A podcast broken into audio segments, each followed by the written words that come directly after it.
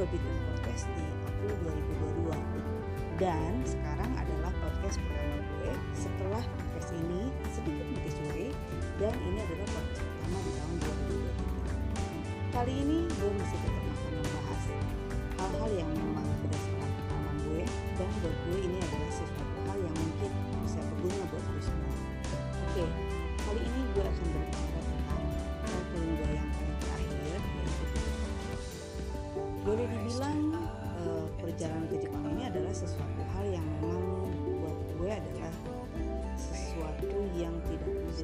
sebelumnya.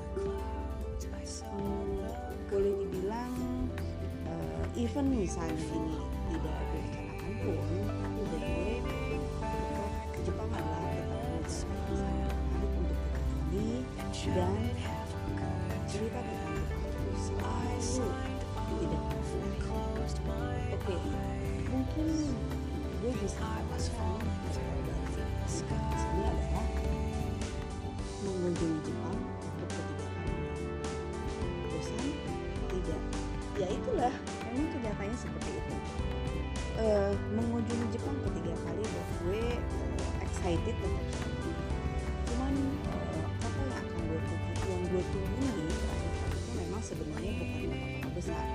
Ya gue boleh senang-senang sedikit sih karena sebenarnya gue dua kali ke Jepang ya gue udah menjelajah kota-kota yang memang wajib dikunjungi Oke, yang pertama gue berangkat ke Jepang mengunjungi Osaka, Kyoto, Tokyo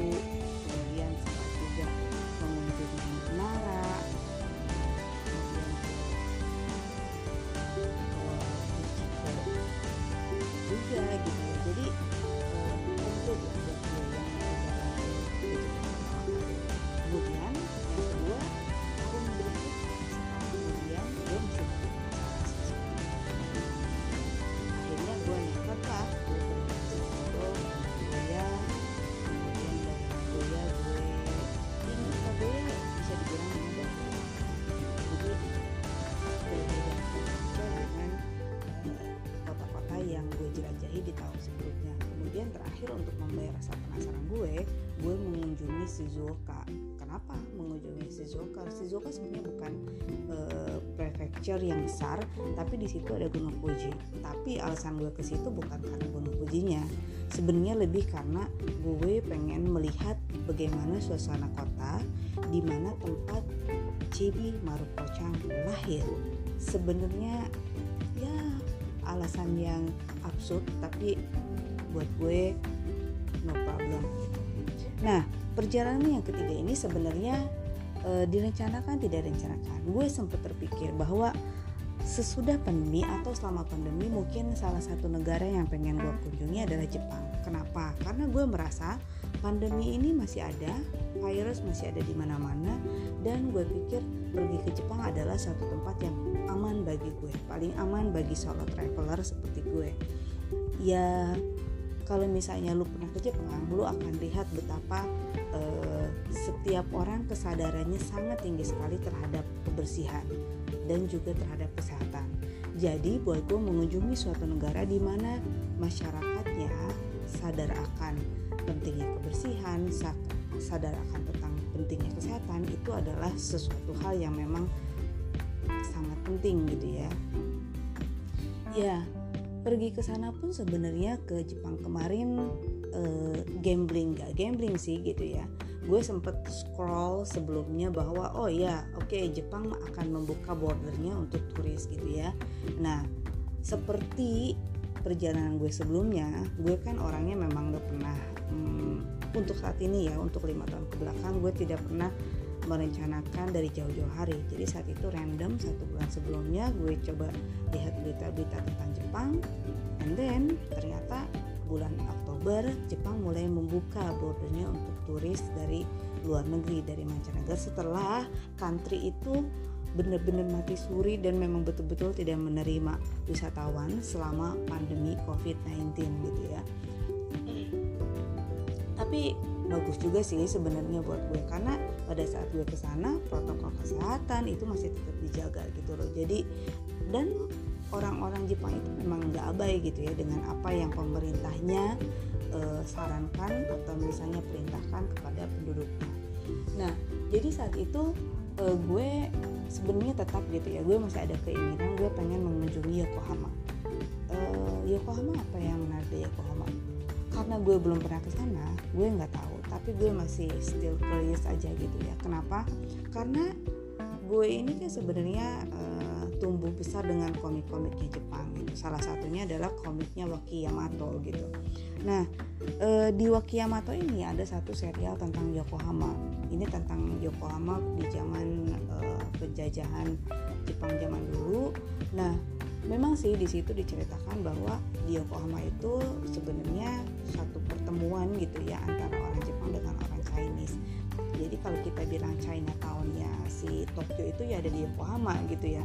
Jadi kalau misalnya ke Yokohama, lu akan melihat satu China Town yang ada di Tokyo yang ada di Jepang. Nah, di perjalanan gue sebelumnya gue nggak sempat ke Yokohama karena terlalu berfokus ke Tokyo jadi sekarang ya gue pengen ke sana gitu tapi apa daya ya ternyata pada saat Jepang membuka bordernya untuk turis luar negeri saat itu juga tiket untuk ke Tokyo itu langsung melesit melejit gitu ya. Saat itu e, buat gue sih mungkin buat sebagian orang itu masih masuk akal tapi buat gue untuk satu perjalanan yang ada destinasinya masih di Asia buat gue tuh gak masuk akal harga tiketnya. Tapi satu sisi e, gue nih setelah di selama pandemi kan gue nggak pernah ke mana-mana gitu ya. Even ya sebenarnya kalau boleh dibilang explore Indonesia pun enggak gitu ya nggak e, tahu ya mungkin ada beberapa alasan tertentu yang membuat gue tidak terlalu mm, menyenangi untuk kumpul-kumpul kemudian hanya untuk berfoto no, no, no. jadi saat ini yang gue ingin lakukan adalah ya gue hanya ingin mencoba untuk berbaur dengan masyarakat yang ada di satu tempat jika misalnya gue pergi traveling dan gue rasa di Indonesia ini nggak tahu ya sebenarnya gue gue sangat percaya bahwa Indonesia ini punya banyak sekali tempat dan alhamdulillahnya gue juga sempet ya udah mengeksplor beberapa cuma dibilang transportasi, akomodasi itu sangat sulit sekali gitu ya. Jadi apalagi waktu juga kadang-kadang e, tidak memungkinkan untuk mengeksplor semuanya. Jadi ya pilihannya salah satunya adalah ke luar negeri di mana e, gue bisa ke country, e, gue bisa di mana e, sorry jadi gini.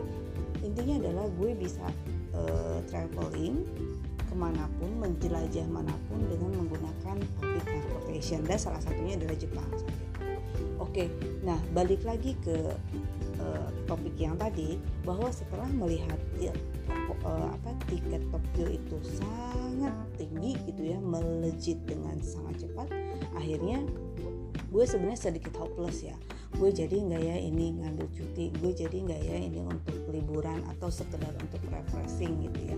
Hmm, akhirnya gue iseng-iseng eh ternyata gue cek nih salah satu tiketnya ke Fukuoka. Fukuoka itu salah satu prefecture yang agak jauh sebenarnya dibandingin Osaka atau Tokyo gitu ya ataupun prefecture yang memang ada di daerah Kansai yang lu, lu semua pasti akan tahu itu Jepang gitu.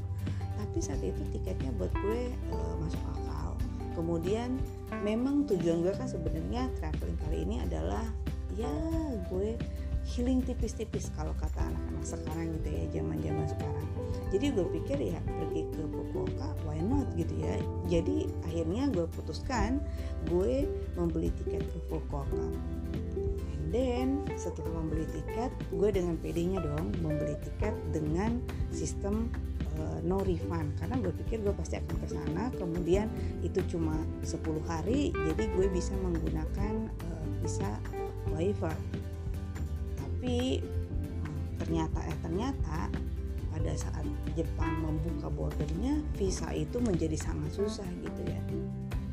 Saat itu antriannya sangat amat uh, susah banget jadi gue membeli tiket untuk bulan November ternyata queuingnya itu ada di bulan Desember. Oh my god hopeless tentu gitu ya. Cuma ya udah lahir ta'ala aja gitu ya. Uh, tapi gue percaya bahwa kalau misalnya apa pun itu direstui atau tidak pun ya sebenarnya itu udah udah ada yang atur gitu. Tapi hmm, ya singkat cerita gitu ya ternyata ada beberapa hal yang tidak pernah diduga ya akhirnya gue dengan lancar lah gitu ya bisa tiba ke Fukuoka. Oke okay, next. What is the difference gitu ya uh, antara lu pergi ke Jepang before pandemi and then after pandemi? Oke okay. uh, gue ceritain sedikit pengalaman gue. Yang pertama adalah tentunya mengenai uh, pada saat lo masuk ke imigrasi biasanya kan lo datang ke kontak imigrasi kemudian lo cap-cap segala gitu kan. Nah tapi sesudah pandemi ini ternyata Jepang menerapkan sistem yang lain gitu ya. Jadi kita harus uh, apa ya membuat kayak kita sih data diri sebelum kita berangkat ada namanya di visit uh, web Japan gitu. Itu terbaru pada saat kita berangkat. Kalau nggak salah di sebelumnya juga ada uh, aplikasi sebelumnya gue uh, lupa lupa ingat gitu. Tapi intinya adalah pada saat lu masuk data lu udah ada di sana gitu. Jadi itu memudahkan juga itu men-screening juga. Datanya tidak hanya sekedar data tentang penumpang biodata tentang uh, keberangkatan tiket juga kok tempat tinggal. Tapi yang paling penting adalah lu udah divaksin apa belum. Jadi ada di situ.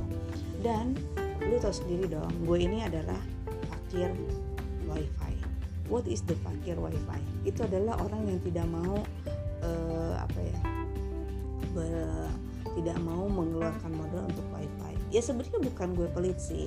Cuma buat gue untuk negara yang maju seperti Jepang seperti Korea rasanya free wifi itu pasti bisa gue dapetin di mana aja. Jadi sayang banget sih kalau misalnya gue akhirnya membeli modem. Apalagi sebenarnya gue kan bukan orang yang senang banget bentar-bentar posting gitu ya ya tapi gitu ya untuk beberapa orang yang memang tahu gue gitu ya. Biasanya kalau misalnya gue lagi uh, apa traveling gue lebih aktif. Kenapa? Yaitu sebenarnya untuk memberitahukan bahwa gue still exist ya. Still exist itu it's mean bahwa gue masih ada di apa satu tempat ini terutama untuk buat keluarga gue gitu ya. Karena sebelumnya di traveling sebelumnya nih gue pernah kejadian gue uh, lost kontak karena kehilangan handphone gitu ya. Gue kehilangan handphone di Denmark bayangkan gitu ya. Lu ada di satu country yang bahasa Inggris pun uh, gak ada orang yang ngerti kemudian lu hilang handphone lu nggak bisa berkontak berkomunikasi dengan keluarga lu. Jadi sesudah itu gue punya punya sikap bahwa okay, setiap traveling it's fine lah kalau gue menjadi seseorang yang agak sedikit aktif di media sosial karena itu untuk memberitahu keluarga gue bahwa gue still safe gitu ya di di mana pun. Sebenarnya tujuannya bukan gue untuk mengumbar bahwa gue lagi traveling happy happy no no no.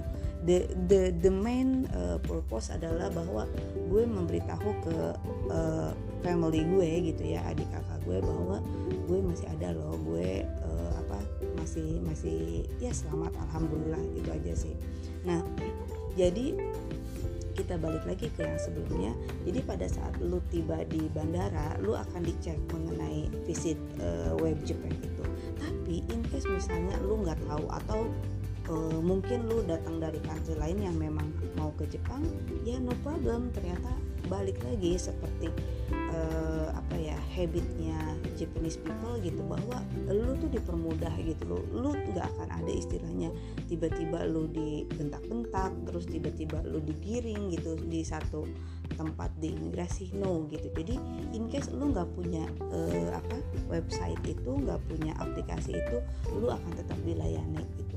Dan lu uh, gue nggak tahu sih kalau misalnya gue sempat baca bahwa di Tokyo sangat banyak sekali orang yang di antrian imigrasi. Saat itu di Fukuoka gue tiba siang sekitar pukul 1 alhamdulillahnya Fukuoka kan sebenarnya karena tidak terlalu ramai dengan turis-turis dari mancanegara kecuali turis e, dalam negeri ataupun dari Korea. Jadi saat itu kondisinya masih ya masih normal lah gitu. E, beberapa kali wifi free wifi nya nggak nyala tapi mereka dengan sabar menunggu gitu ya. Karena saat itu gue udah udah punya uh, apa udah download si aplikasinya tapi mereka dengan sabar nunggu. Kemudian kejadian terakhir adalah pada saat tetap ya kan even misalnya lu masuk ke imigrasi lu ada protokol seperti itu lu tetap harus mencap paspor lu kan. Nah saat itu gue punya problem bahwa uh, gue tuh sometimes gitu kalau misalnya fingerprint itu gue nggak bisa gitu ya. Nggak nggak terdetek lah gitu. Itu gue sebenarnya aduh gue sebel banget sih sebenarnya gitu. Kenapa jari ini gitu ya nggak pernah bisa langsung kayak orang lain gitu. Tapi ya beberapa kali pengalaman lah gue sempat digiring keluar gitu. Tapi untungnya saat itu uh, apa petugas imigrasinya baik sekali gitu. Jadi 10 menitan kali ada ya gue mencoba itu mencoba fingerprint itu. Kemudian dia juga ngasih apa kayak lotion segala biar gue mencoba gitu. Tapi ternyata fingerprintnya tetap gak tercatat aja gitu tiga kali. Itu ya tet tet tet gitu. Aduh yang ada akhirnya adalah gue keringet dingin gitu ya di depan si uh, koton imigrasi. Tapi alhamdulillahnya lagi ternyata akhirnya gue diizinin lah walaupun gue sempet tanya really? Gitu ya gue bener nih diizinin even uh, the fingerprint is not valid gitu ya. Atau ya sebenarnya bukan dibilang not valid sih sebenarnya cuma karena memang nggak tercetak tapi dia bilang it's fine it's okay katanya gitu. Uh, akhirnya ya udah alhamdulillah aja gitu ya gue uh, selamat lah dari si pintu imigrasi itu gitu ya. Oke okay. sudah itu ya udah gue tiba di bandara Fukuoka bandaranya sendiri kecil kemudian uh, lokasinya itu dekat dengan pusat kota itu yang gue suka gitu. Jadi lu nggak wasting time misalnya kalau di Tokyo kan itu agak jauh ya kayak kita tuh dari sini kalau kita analogikan nih misalnya gue di Depok yaitu ada di mungkin ada di daerah Jakarta gitu ya. Jakarta bisa satu jam lagi gitu. Tapi kalau di sana betul-betul di Fukuoka itu cuma 10 menit jadi saving time banget gitu ya. Dan lu keluar bandara pun ya langsung lah intinya tuh tidak yang lu melewati kayak ring road terus lama jauh kemudian berkota no gitu masuk e, keluar bandara ya lu akan melihat itu udah cukup ke dekat kota kemudian e, untuk transportasi saat itu dari bandara ke kota pun mudah gitu ya kemudian e, protokol kesehatan sangat ketat di sana gitu ya jadi di public transportation lu tetap harus pakai masker kemudian di restoran lu tetap pakai apa pada saat misalnya e, datang gitu ya semua pakai masker gitu. Kalau misalnya kayak gue sendirian nih nanti kita akan dikasih bilik-bilik. Tapi buat gue sebenarnya before pandemi or after pandemi sebenarnya orang Jepang ini kan memang habitnya tuh kalau makan uh, tidak yang apa sih ngobrol-ngobrol hahi kayak di Indonesia gitu ya. Kalau mereka datang ke convenience store atau misalnya ke restoran itu selalu ada porsi satu. Itu kenapa? Itu adalah untuk orang yang memang datang hanya satu orang dan niat dia untuk makan gitu ya.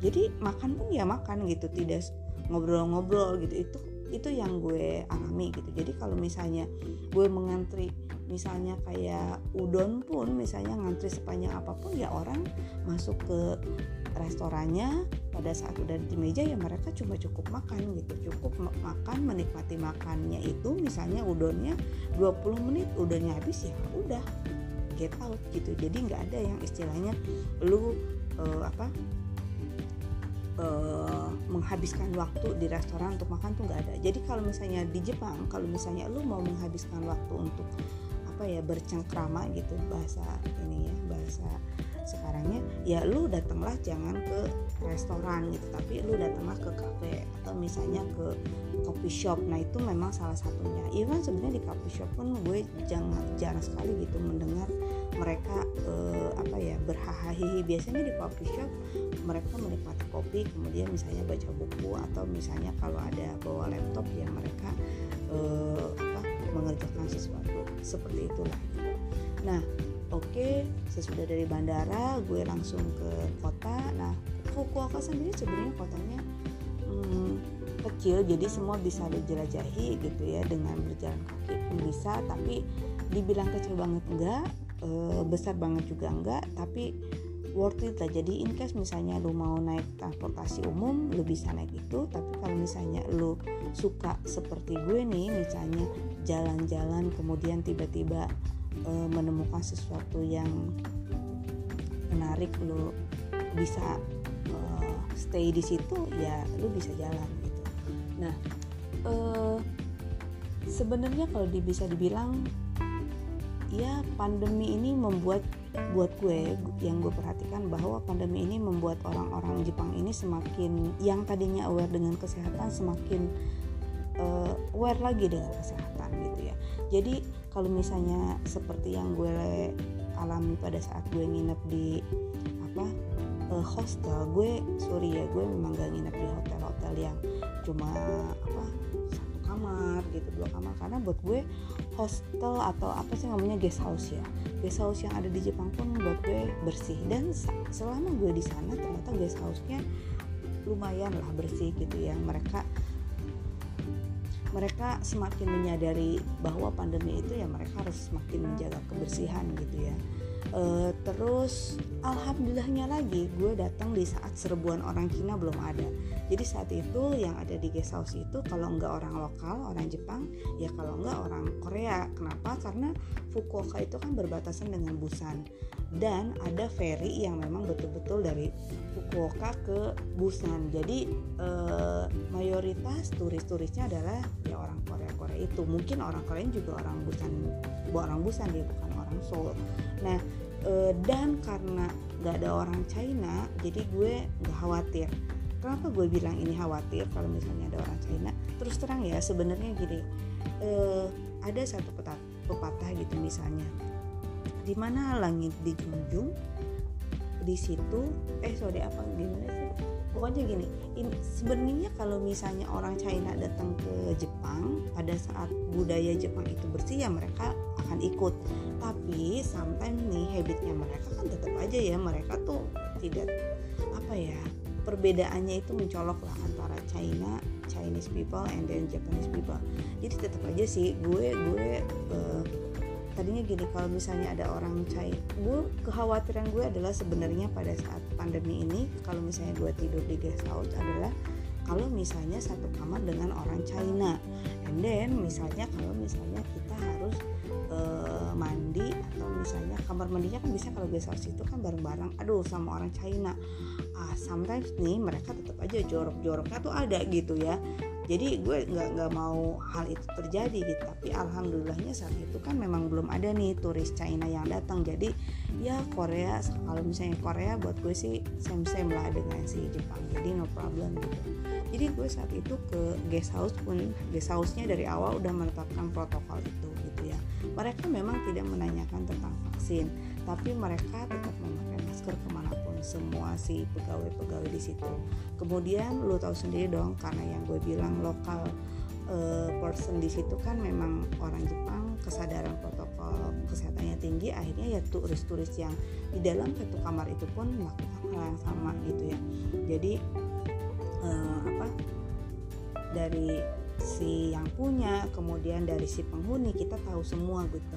Kemudian uh, mungkin yang kalau misalnya kita bilang guest house ini yang apa ya selain kamar mandi misalnya apa toilet yang lo share dengan penghuni yang lain gitu ya dengan uh, apa guest yang lain uh, yang kedua adalah tentang dapur kitchen. Biasanya kita uh, guest house itu punya uh, apa kitchen yang bersama. Nah lo juga bisa tuh di situ misalnya lo uh, apa pinjam peralatan mereka.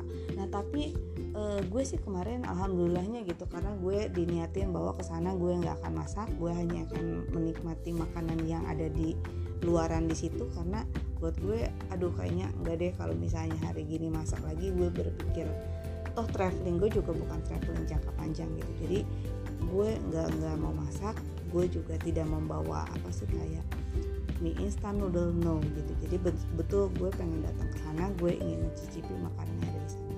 Tapi kalau masalah yang lainnya nih misalnya kopi gue tetap nih kalau misalnya di guest house ini kalau misalnya ada dapur nih gue pasti harus minum kopi nih. Gue mencoba kopi misalnya either di malam ataupun di pagi hari gitu. Nah uh, guest house yang gue temui kemarin sih cukup uh, apa ya mereka e, dapurnya bersih gitu. Kemudian penghuninya juga semua e, tertib gitu. Jadi kalau misalnya udah e, menggunakan peralatan mereka langsung cuci gitu ya. Semua betul-betul apa self service sendiri gitu. Sometimes kalau misalnya sebelum pandemi ada guest house yang misalnya uh, kita betul-betul apa ya ada kayak kita ada pembantunya gitu. Atau ya si si pegawainya tuh yang cuci tapi sekarang tuh betul-betul enggak gitu ya. Jadi semua diserahkan ke kitanya sendiri gitu ke penghuni di situ gasnya gitu. Nah jadi uh, gue uh, cukup excited gitu ya dengan ini. Karena ini memberi satu apa ya keamanan buat gue pada saat gue uh, melanjutkan traveling ini. Oke itu di guest house. Kemudian kalau di transportasi umum ya tadi seperti tadi protokol kesehatan masih tetap ada dibilang jaga jarak karena nggak ada tapi memang kan sebenarnya sebelum pandemi pun orang Jepang senang banget pakai masker gitu ya. Jadi sekarang ya udah biasa sih buat buat mereka untuk tetap meneruskan budaya itu. Tapi buat gue ini adalah satu uh, keamanan sendiri gitu karena kunus kita nggak pernah tahu gitu ya. Tiba-tiba virus datang dari orang lain gitu ya.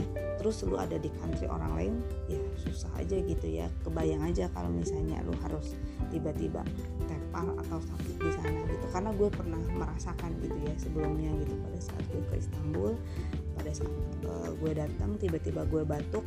Dan lu tahu sendiri dong pada saat tinggal di guest house berarti lu tidak hanya sendiri itu bisa mengganggu penghuni yang lain. Dan ya kalau zaman sekarang mungkin lu akan langsung di kick out gitu ya. Kalau zaman dulu kan enggak gitu. Tapi ya eh, apa buat gue apa ya ke ketentuan ini sebenarnya memberi rasa aman buat traveler kayak gue gitu ya. Traveler yang benar-benar ya memang datangnya sendirian gitu. Di tempat makan sama yang tadi seperti gue bilang hmm, kalau dulu memang biasanya sebelum pandemi ada satu bangku lu duduk sendiri. Kalau sekarang biasanya bangku itu selain bangku kayak ada apa sih? Kayak ada pembatas yang hmm, tirai gitulah tirai kaca. Jadi kalau misalnya lu datang ke restoran restoran ya ada satu pembatas itu gitu. Kan sebenarnya di coffee shop pun sama gitu ya. Jadi kalau misalnya lu sendiri lu dikasih tirai itu sendiri. Tapi ya kan mereka sih cenderung cuek gitu ya. Jadi sebelumnya pun mereka melakukan hal itu kan. Jadi uh, ya sekarang pun pandemi no problem dah untuk hal, -hal seperti itu. Hmm, itu kemudian oh mungkin yang yang lebih penting adalah biasanya dulu kan kita sering banget menggunakan uang tunai gitu ya uang tunai untuk membeli apa pun. Tapi Sejak pandemi ini kan sebenarnya orang cenderung untuk menghindari penggunaan uang tunai gitu. Ini pun berlaku untuk di Jepang gitu. Jadi kalau di Jepang sebenarnya penggunaan uang tunai buat menurut gue sih sebenarnya dari dulu juga jarang mereka menggunakan uang tunai kecuali kalau misalnya lu lagi beli street food atau misalnya betul-betul lokal restoran mereka biasanya meminta uang apa uang cash gitu ke turis. Kalau misalnya orang lokal sendiri biasanya mereka kayak kita tuh mungkin mereka di handphonenya tuh ada aplikasinya gitu. Kayak kita mungkin pakai Gojek pakai uh, OVO seperti itu sih gitu. Tapi untuk turis tuh mereka biasanya tetap meminta uang uh, tunai gitu. Nah, cuma yang menarik adalah misalnya kayak di kereta. Kalau di kereta memang dulu sebenarnya kita bisa pakai bisa bisa beli uh, pakai tiket apa satuan gitu ya. Atau misalnya lu beli kartu yang lu isi lu top up gitu. Nah tapi dulu seingat gue gitu ya bahwa kartu itu hanya terbatas misalnya untuk e, beberapa toko misalnya beberapa ya kalau convenience store dari dulu bisa dipakai. Toko juga dulu kayaknya beberapa tapi sekarang tuh jadi kayak kartu itu ya kartu yang lu bisa gunain untuk belanja di mana pun gitu ya. Kayak di uh, Fukuoka itu kemarin Hayakakeng kalau nggak salah namanya. Biasanya kalau di tempat lain kayak ada Suika, Pasmo itu sama sih rasanya fungsinya. Nah si kartu ini bisa lo gunakan sebagai kayak kita tuh ya mungkin imaninya kita gitu. Nah itu pun imaninya mereka gitu. Mereka gunakan ini di hampir semua uh, merchant untuk belanja untuk uh, transportation gitu ya untuk apa pun itu gitu. Nah uh, yang menarik adalah bahwa kalau misalnya di kereta sebenarnya lu tidak perlu juga membeli kartu Hayakaken itu tapi lu bisa menggunakan kartu yang memang punya logo Visa gitu. Saat itu gue tidak mencoba menggunakan kartu itu gitu ya. Gue kan punya uh, kartu nih yang Visa kan. Either misalnya lu bisa pakai debit ataupun lu bisa pakai kartu kredit. Tapi saat itu gue memang mencoba untuk membeli si kartunya lokal mereka gitu sih kayak gitu. Tapi ini ini menjadi menarik. Jadi either kalau misalnya lu mungkin ada traveler yang cuma uh, selintas ya lo bisa gunakan itu tanpa lo harus membeli lokal cardnya punyanya si Jepang itu gitu. Ya atau kalau nggak jalan lainnya adalah lo membeli tiket satuan. Tapi kalau misalnya perjalanan lo berkali-kali tiket satuan ini akan menjadi murah pos um, eh sorry akan menjadi mahal posnya nah ini mungkin perbedaannya dari yang sebelum pandemi gitu ya. Uh, terus kemudian untuk di transportationnya sendiri di kalau di sana tuh lebih banyak orang memakai ada subway ada juga KRL KRL tuh apa? Kayak lokal train lah kayak gitu ya. Hmm, tapi lebih banyaknya adalah untuk di kota itu pakai mereka komuter untuk di kotanya pakai si subway ataupun bus gitu. Harga tiket bus misalnya satu tiket bus sebagai informasi aja sih biasanya tiket uh, subway itu lebih mahal dibandingkan tiket bus. Tapi biasanya jangkauannya untuk ke apa kayak ke tempat-tempat yang lebih di pinggir-pinggir itu biasanya menggunakan bus itu akan lebih efektif. Karena biasanya kalau misalnya lu ada di stasiun subway ya stasiun subway ini kan sebenarnya di tengah kota tuh.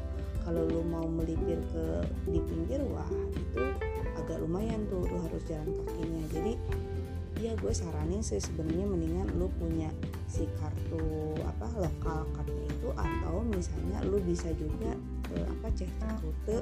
Kalau misalnya lu memang pakainya kayak apa sih gue mau pakai bus semua gitu satu hari. Atau misalnya gue mau pakai subway satu harian ya lu bisa beli one day pass gitu ya. Itu jauh lebih murah dibandingkan lu menggunakan kartu itu juga gitu. Tapi biasanya ada beberapa diskon yang diberikan pada saat lu menggunakan kartu itu di merchant-merchant tertentu gitu.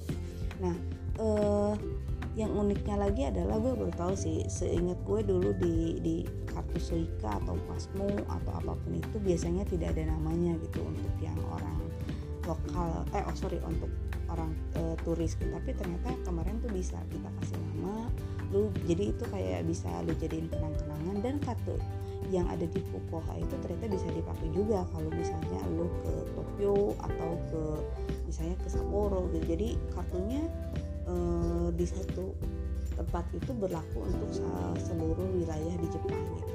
Seingat gue kalau dulu sebelum pandemi biasanya ya kartunya untuk lokal lokal kecil aja sih. Ya mungkin ini lebih karena mobilitas mereka juga kan biasanya mereka tidak hanya misalnya gak mungkin dong misalnya lu warga Fukuoka terus tiba-tiba lu ke Tokyo misalnya satu minggu terus lu beli kartu yang di Tokyo gitu kan. Jadi kartu itu ya betul-betul bisa digunakan di, di seluruh Jepang lah gitu intinya. Nah eh, ini jadi sangat menarik juga sih gitu jadi multifunction card gitu yang bisa digunakan oleh semua orang di semua apa ya di semua lini uh, di semua lini sehari-hari sih sebenarnya gitu. Ya termasuk transportation atau misalnya lu shopping gitu ya atau misalnya lu pergi ke fasilitas apa itu bisa menggunakan kartu lokalnya itu gitu ya uh, gue nggak tahu sih kalau yang di orang Jepang itu apakah ada identitinya not gue nggak tahu. Tapi seingat gue pada saat gue masukkan di sana itu ada yang harus dimasukkan adalah uh, name and also the passport number. Kalau misalnya lo foreign people gitu. Tapi kalau misalnya orang local person gue pikir mungkin ID numbernya harus masuk ke dalam si kartunya itu gitu. nah uh, ya sebenarnya perbedaan-perbedaannya tidak terlalu kentara sih antara sebelum pandemi atau sesudah pandemi tapi buat gue perjalanan ini menjadi sesuatu apa ya menyenangkan menarik karena gue per, belum pernah mengeksplor Fukuoka gue juga tidak pernah menyangka gue akan ke sana gitu. Kotanya sendiri sepi tapi buat gue e, masih tetap menarik untuk di apa ya explore gitu ya. Malah waktunya sendiri sebenarnya masih kurang gitu mungkin next time kalau gue uh, masih ada kesempatan gitu gue masih tetap pengen explore uh, using the what is this Shinkansen around the the kita Kyushu Island. Jadi si islandnya sendiri kan itu pulaunya kita Kyushu. Jadi ternyata si kita Kyushu itu mempunyai satu uh, Shinkansen panoramik yang memang itu sangat uh, famous banget gitu di uh, seluruh Jepang. Jadi di Sapporo ada juga Shinkansen, misalnya di Tokyo juga ada di Kansai. Nah, tapi mereka biasanya kan ya mereka malam yang gue tahu, kalau enggak ya pagi. Nah, tapi kalau di sana tuh betul-betul panoramik saat itu yang gue ingat ada Yokoi no kemudian ada Astro Train, tapi saat itu gue kan baru juga tahunya pas di sana gitu ya. Jadi gue pikir oh next time kalau misalnya gue ke sana gue mungkin pengen menjelajah itu ya pengen merasakan uh, what is it, sensasinya gitu ya. Kalau misalnya lo menjelajah uh, dari ujung misalnya dari Fukuoka sampai ke Katsumoto yang ada di bawah itu dengan menggunakan train gitu ya. Train yang betul-betul pemandangannya mungkin ya seperti kereta apinya dari sini ke Jogja mungkin gitu. Tapi pemandangannya buat gue sih kayaknya uh, ya gue ingin mencoba gitu masih tetap ingin mencoba pemandangan yang nggak ada di sini gitu mungkin tetap di musim apa autumn gitu ya karena ya bukannya gue sosokan gitu tapi kalau misalnya uh, pemandangannya sih sebenarnya mungkin akan sama sih kayak sawah gitu ya gunung cuma kan kalau autumn ya di Indonesia nggak ada gitu mungkin itu yang pengen masih tetap pengen gue gue explore gitu. Hmm. jadi uh, ya intinya adalah kemarin itu kan salah satunya juga cita-cita gue nih. Gue pengen tuh kalau misalnya gue lihat acara reality show gitu yang tentang uh, Jepang ini di waktu aku Jepang itu ada salah satu acara namanya Hanging Around Without No Plan. And then di perjalanan terakhir itu adalah seperti itu gitu. Jadi hanging around without hanging around without no plane gitu. Jadi ya gue jalan-jalan menyusuri kotanya kemudian kalau misalnya ada apa gitu gue bisa ke situ gue tanya-tanya dengan orang lokalnya. Bahkan untuk beberapa case ya jadinya itu kayak apa ya memori flashback gitu ya. Banyak kaitannya dengan uh, apa pada saat gue kerja di Honda dulu gitu ya sometimes gitu. Jadi ada beberapa yang nanya lu sebenarnya private trip atau business trip? Hmm, ya ternyata gue ya jadi seperti jadi kalau gue bilang ya itu sebenarnya private trip yang rasanya seperti business trip. Even sebenarnya selama di Honda pun gue nggak pernah mencoba untuk business trip gitu. Tapi rasanya nggak akan sama si business tripnya di Honda dengan business trip gue yang kemarin gitu ya. Ya ini lebih fun aja gitu ya ini merefresh aja sih gitu. Ya uh, tapi buat gue uh, pergi ke Jepang untuk tiga kalinya itu sebenarnya tetap still excited sangat tetap membuat lu penasaran gitu ya. Terus lu tetap menemukan hal-hal yang baru dan gue pikir sebenarnya berkali-kali pun lu datang ke Jepang ya tetap akan sama sih.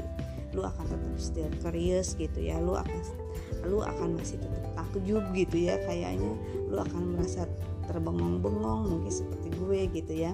Dan even uh, you can speak Japanese gitu ya lu akan merasa bahwa lu tidak uh, apa ya tersesat sendirian. Karena buat gue the local person in in Japan tuh sebenarnya uh, apa ya sangat helpful sekali gitu. Jadi lu akan membentuk mereka punya punya apa ya punya habit untuk membantu orang asing gitu ya yang datang. Jadi lu jangan pernah pikirkan juga sih dulu dia pada saat menjajah kita gitu ya.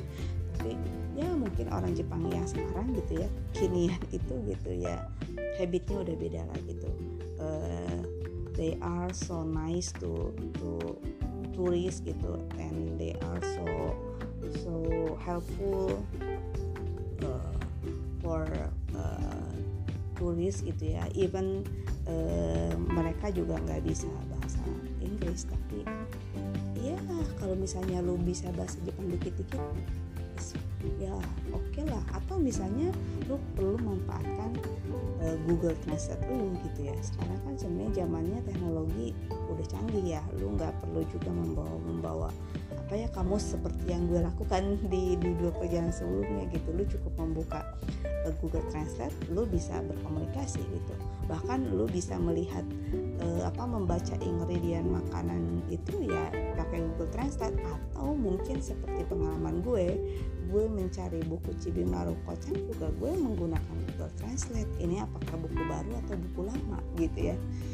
Ya teknologi sebenarnya mempermudah kita dan pandemi eh, ada hikmahnya yaitu kita semakin melek teknologi. Kemudian buat gue teknologi ini betul-betul eh, sangat berguna gitu selama gue traveling. Dan gue yakin sih ini akan berguna juga di next uh, traveling uh, yang gue nggak tahu akan ke mana lagi gitu. Oke okay, uh, kayaknya ini adalah uh, cerita gue pertama kali next gue akan sambung lagi tentang hal-hal uh, lain yang gue dapatkan selama gue di Fukuoka. Mungkin cerita-ceritanya lebih banyak dari sisi gue tapi mudah-mudahan kalau misalnya memang lu masih mungkin ada beberapa pendengar di sini yang masih ingin ke Jepang lu bisa menggunakan apa ya lu bisa uh, menyimpan si podcast ini untuk referensi who knows ya oke okay, thank you so much gitu ya for listening this uh, podcast. Uh, gue berharap gue akan bisa lebih banyak aktif di tahun ini untuk uh, membuat podcast podcast baru yang memang bisa berguna bagi semuanya. Oke okay, see you next time. Ciao